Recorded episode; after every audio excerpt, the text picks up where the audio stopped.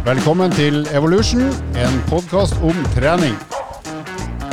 Av treningskjeden EVO.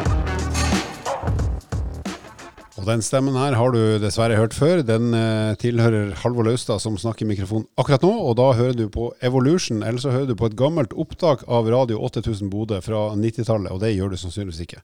Så her er Evolution. Velkommen til meg, og velkommen til Lars. Takk for det. Og i denne episoden her, som vi har uh, frista litt med i en eh, episode for ikke lenge siden, så har vi også med oss eh, Trude igjen. Hei, Trude. Hei, hei. Og grunnen til at vi har med Trude i dag også, det er jo at hun har jo blitt presentert nå som det mennesket som har vært gjennom et tiukersprosjekt som heter Toppform på ti uker. Vi har snakka om det underveis. Vi har også i en nylig episode snakka om resultatene som ble oppnådd, som var meget imponerende. Og så er det sånn at alle som har vært med på noe sånt, skal jo leve heldigvis eh, ganske mye lenger etterpå. Og nå har det gått noen uker siden det prosjektet ble avslutta. Så da har vi lyst til å grave litt i Trudes liv for å forstå hvordan hun har, hva hun har gjort i etterkant, da, både kostholdsmessig og treningsmessig. Og så skal det jo sies at eh, normalt sett så er det vanskelig å opprettholde det man har gjort i en sånn kortere fase, rett og slett for at det er litt sånn ekstraordinært. ikke sant? At du tar tak og prioriterer det veldig høyt, nødvendigvis for at du får oppfølging og vet at folk følger med. Eh, så, men for å virkelig gjøre det vanskelig, så ble prosjektet avslutta omtrent på lille julaften. Så du Trude, du seila jo rett inn i julehøytiden eh, dagen etter at du var ferdig med den eh, tredemølletesten. Så hvordan, eh, hvis du starter med det, hvordan, eh, hvordan, gikk julehøytiden for deg med din nye form og dine nye kostholdsvaner og aktivitetsvaner? Du, det gikk veldig bra. Jeg eh, hadde jo ikke like mye lyst på kaker. Så som jeg har sagt før til Lars, han har ødelagt meg. Takk for det. Men du fikk kosa deg litt, vel? Vet du hva, jeg tok kosen litt etter jul, jeg. Ja. Akkurat. For da kom søtsuget.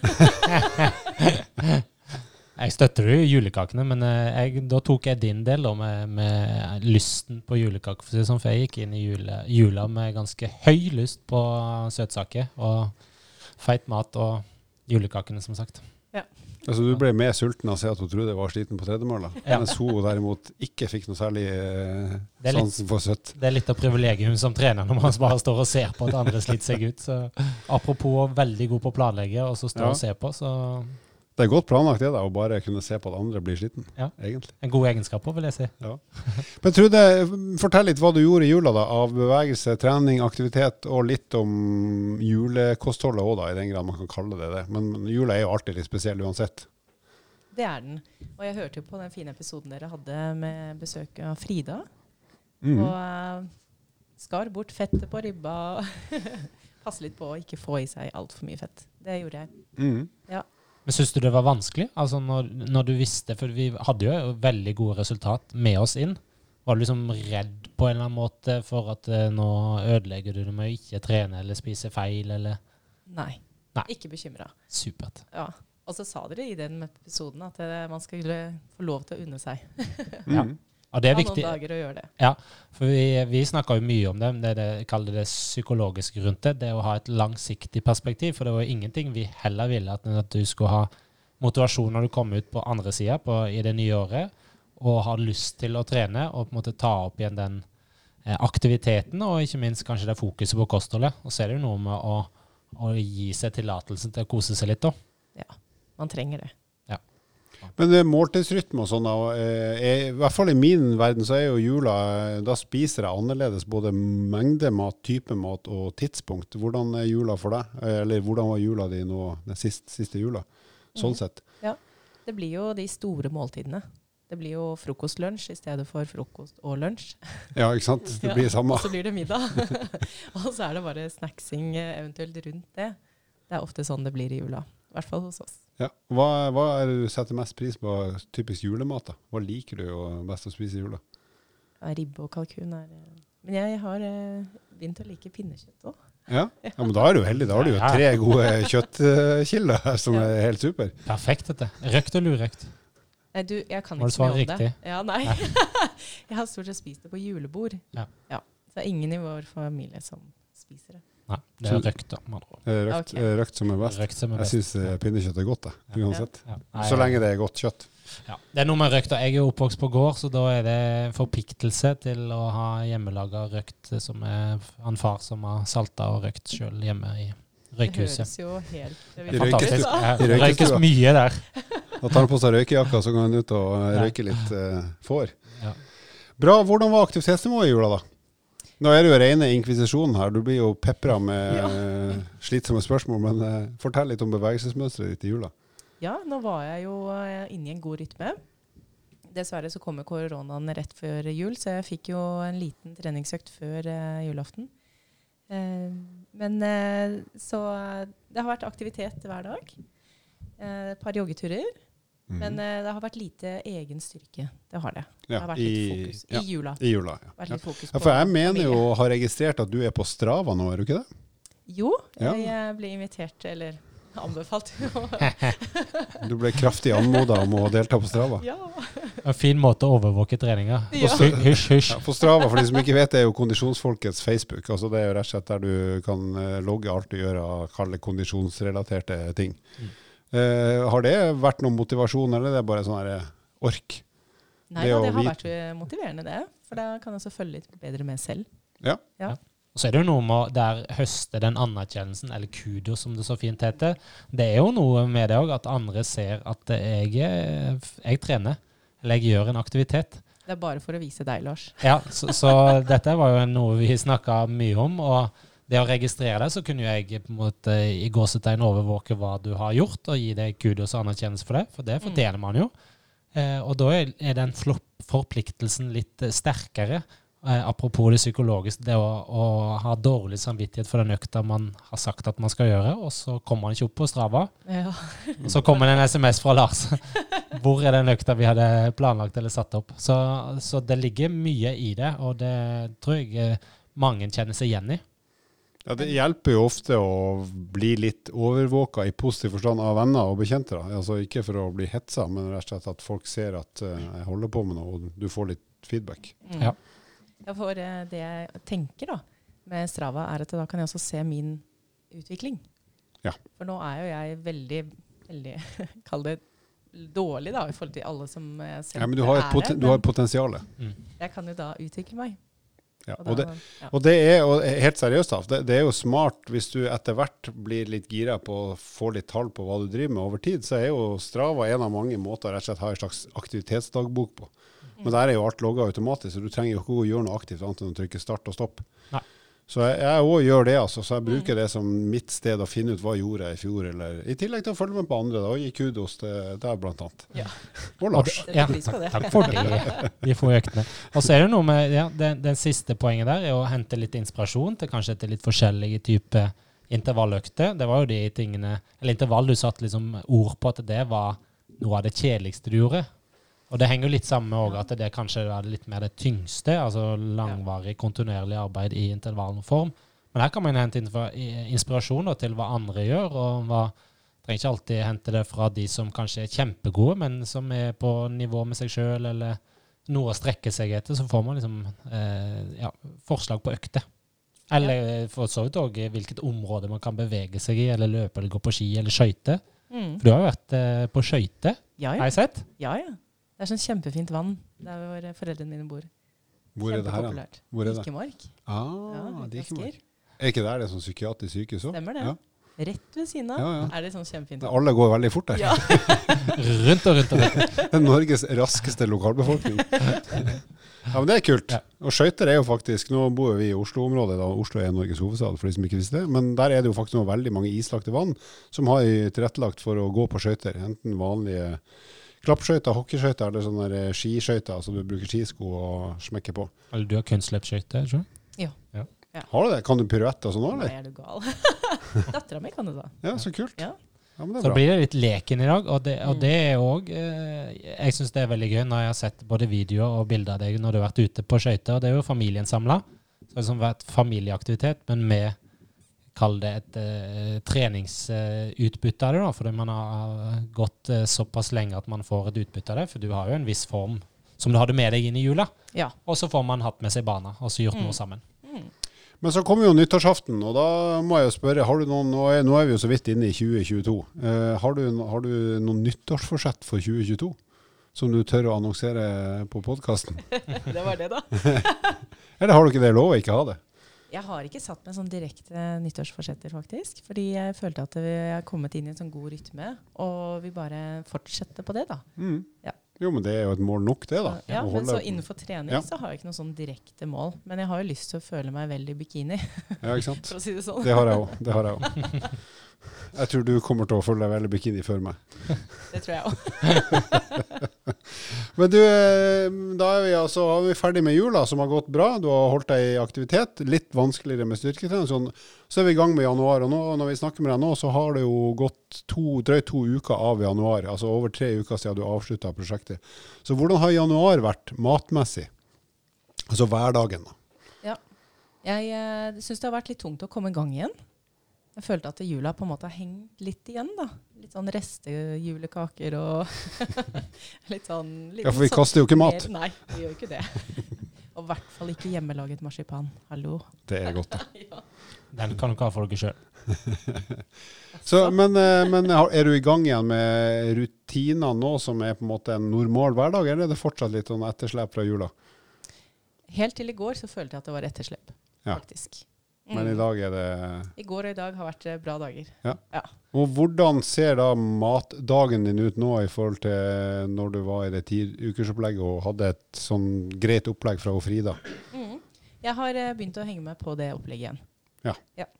Jeg Kan- syns det fungerte veldig bra. Ja, kan du, For de som ikke har hørt episoden før, da, kan du si noe enkelt om hvordan det opplegget er basert og bygd opp? Ja, type mat Eh, og Ja, ja, litt om hvordan du har lagt opp hverdagen din i forhold til kostholdet. Ja. Frokost. Mm. Frokost, God start på dagen. Hva, hvor mange måltid har du, og cirka hva spiser du i hvert måltid? Eh, som Frida sa, så er det fokus på minst 20 gram protein per måltid. Så hun har jo lagt opp en veldig fin eh, veiledning da, som jeg kunne følge, og følger sånn cirka det. Og det, det er jo cottage cheese og bær og havregryn og, til frokost. Mm. Og det er eh, ja, wraps med skinke og masse grønnsaker og cottage cheese til lunsj, f.eks. Og så er det ris, kjøttdeig Altså ja. Det er ganske vanlig mat, egentlig. Ja. Eh, så det gjør det at det er veldig lett å kunne spise sammen med familien. Ja, så du spiser det samme som familien din? Ja. Og det pleier å være en fordel når det her skal fungere over tid. enkelt. Ikke sant? Ja. Dette skal jo være overkommelig for alle, og hvis man da sammen kan eh, måte sette litt fokus på det, så er det jo ingenting som er bedre enn det. Og så Inni her så har du òg noe mellommåltid, bare sånn mm. det òg Ja, ja. kan sies. Bruker eh, ofte sånn eh, skyr, f.eks. Ja. De er veldig gode. Mm. Også sånn proteinpudding. Ja. Det har Oi, proteinpudding. Det høres egentlig litt dessertaktig og godt ut. Ja, det er sjokolade, proteinpudding. Altså, det er jo godt. Og det smaker godt. Ja, jeg syns Så kult, da. Jeg vet at det er flere som ikke syns det. Jeg skal prøve det. Det høres ut Men som du har jo også den samme som er sånn proteinshake i samme merke. Ja, Kult. Og så har vi aktiviteten og treninga, da. Hvordan eh, ser det ut nå i januar kontra i jul? Ja. Litt seig start der også, men uh, nå er jeg i gang. Og det, jeg må bare si at det er så deilig Mm.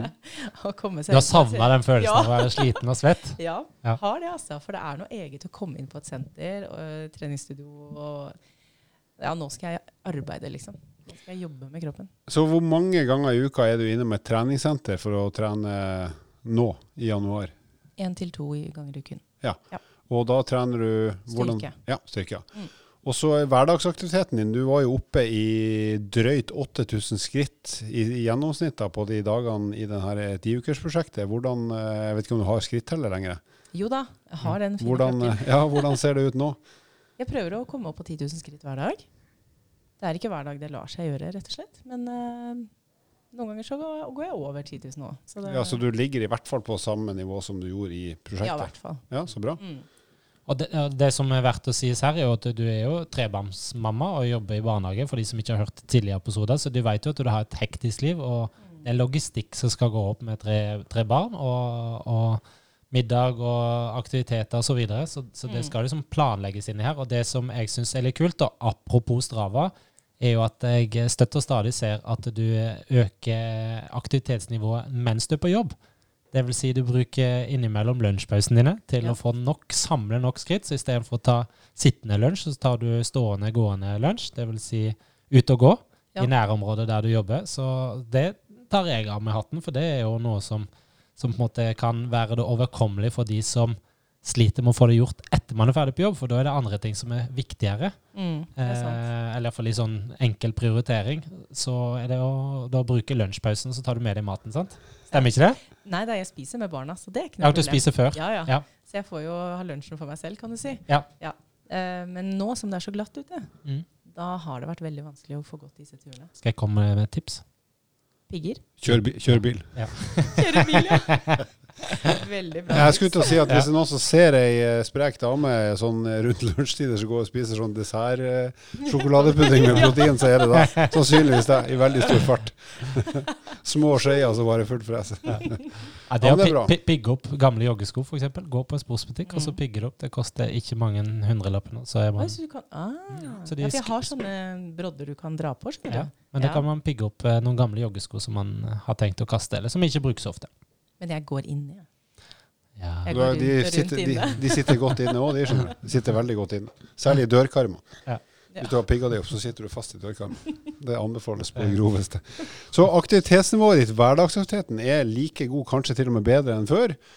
Styrketreninga holder du i gang to ganger i uka, der har du en PT, har du ikke det? Som ja. du bruker fast? Ja.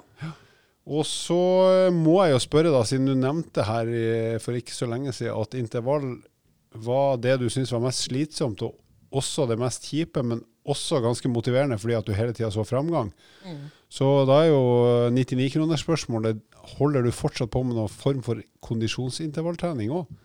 Har ikke kommet i gang med det inne på mølle, i hvert fall. Men jeg eh, begynte jo med å løpe i motbakker. Og Ja, for du har en bakke i nærområdet der du bor? Ja. Jeg bor jo oppover på et fjell. Midt på, så jeg har jo både opp og ned. Ja, ikke sant? Bor i Norge, med andre ord. Ja. Nei, så det er en fin bakke. Og det er sånn to minutters eh, fin jogg oppover. Ja, Så når isen går og du slipper å stå på skøyta oppover der, Mm. da skjer det? Ja, ja. ja. Kult. Og det, er jo- eh, der tar jeg av meg hatten, for det er jo noe som vi da har knukket litt av den koden av å, å gå over terskelen til at det er eh, Kall det kjedelig, at det er bare vondt, men at det, det blir motiverende fordi man ser fremgang. Man kanskje kommer lenger på, eller kortere tid på den bakken, for den er en gitt Mm. distanse opp, og så kommer man kortere tid opp, og så bruker man kanskje kortere tid ned igjen fordi man klarer å hente seg inn i fortere. Så man har en del parametere som man kan bruke Ja. til å måle. Og så gjør du det på egen hånd. Her er du helt alene med headsetet på hodet og Evolution-podkasten på øret. Ja, ja. det? ja, ja, selvfølgelig. Så Halvor eh, Da må vi snakke lenger, da, så det blir lang økt. ja. Så jeg, jeg ser for meg du oppover bakken her når Halvor drar en vits eller et eller annet Ja. sånt. Eller Andreas er inne i en eller annen lang utgreiing om eh, et tema.